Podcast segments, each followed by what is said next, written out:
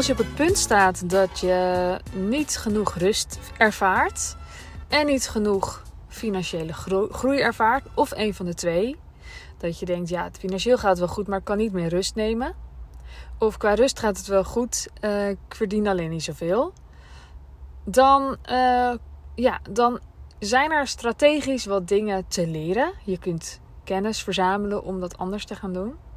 Je kunt uh, allemaal manieren vinden om meer geld te gaan verdienen. Je kunt ook manieren vinden in boeken bijvoorbeeld om meer rust te, te vinden. Daar heb je mij niet per se voor nodig.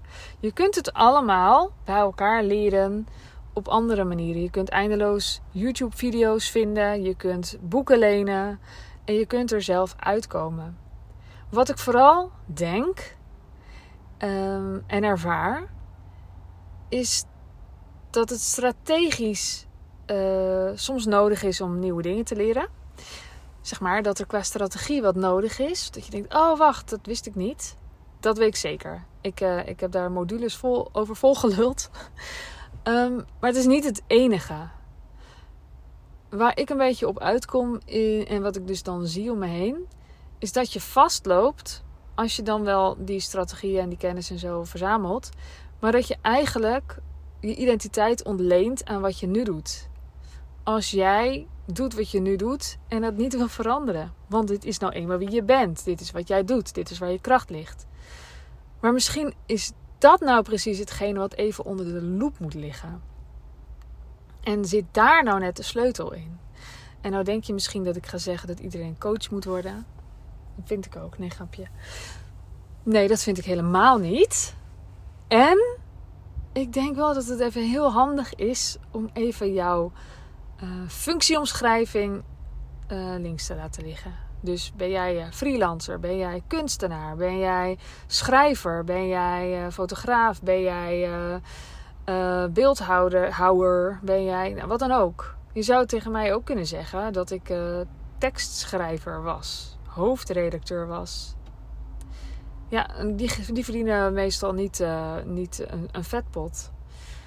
Pas wanneer jij jezelf als ondernemer gaat zien en ondernemerskills daarin ontwikkelt, maar daarvoor moet je dus eerst jezelf zo gaan zien, dan pas kunnen de dingen echt omslaan en kun je echt besluiten gaan nemen die goed zijn voor jou als ondernemer.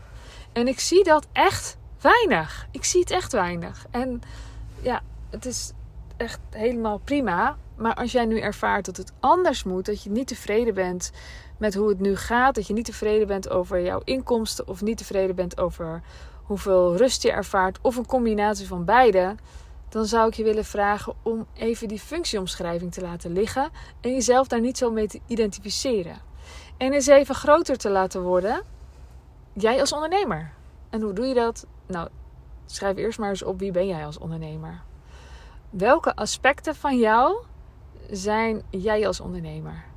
Dus je zou allerlei dingen over jezelf kunnen opschrijven, je karakter en gedragingen, acties die je onderneemt. Welke daarvan vallen onder die ene functieomschrijving waar we het net over hadden? En welke daarvan vallen onder misschien de moeder die jij bent?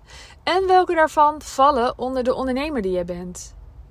Nou, misschien zijn het er een aantal. Uh, misschien zijn het er wel heel weinig. Of misschien zijn het er wel veel, maar geef je ze weinig ruimte, weinig aandacht. Dus om een voorbeeldje te noemen. Ehm, nou, stel dat je, met, je, je schrijver bent. Stel dat je schrijft. Dan is het moment dat jij een factuur verstuurt en geld wil ontvangen, dan ben jij als ondernemer aan het handelen. Op het moment dat jij gaat onderhandelen over je tarieven, ben jij als ondernemer aan het handelen. Op het moment dat je aan het schrijven bent, ben jij als rol schrijver. Snap wat ik bedoel? En als jij de keus maakt om uh, je werk weg te leggen en te gaan koken, dan ben jij jijzelf als moeder. Het is heel handig om dit eens een keer uit te schrijven en dan ook te kijken wie ben ik als ondernemer. Schrijf het eerst eens op en ga dan eens bedenken wie ben jij als ondernemer. Ik ben heel benieuwd.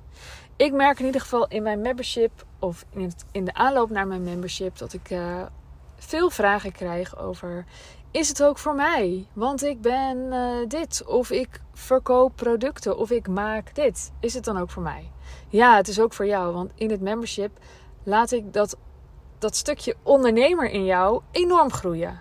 Dat krijgt echt mega aandacht. En wat je doet, jouw functie, iets minder.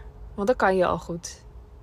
Dus, mocht je het voelen kriebelen, ik zou willen zeggen: stap gewoon in. Neem dat besluit. Laat je hart spreken. Want als je hart en je hoofd het met elkaar eens zijn, dan krijg je rust. Daar heb ik ook een post over gemaakt. Die uh, staat. Uh, wanneer staat die online? Wat is het vandaag? Woensdag? Woensdagmiddag stond hij online. 2 november, denk ik.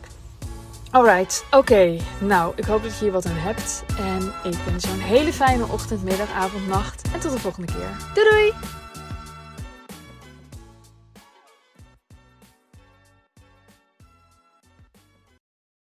Wil jij bouwen aan 10 keer meer eigenaarschap over je leven? Wil je dat door middel van zelfvoorzienend leven in de kleinste zin van het woord, ondernemerschap en persoonlijk leiderschap? Kom dan bij Community Leven in Vrijheid, waarin een hele groep wilde mensen is die hier ook mee bezig zijn, die dit ook willen en die heel graag met je willen uitwisselen.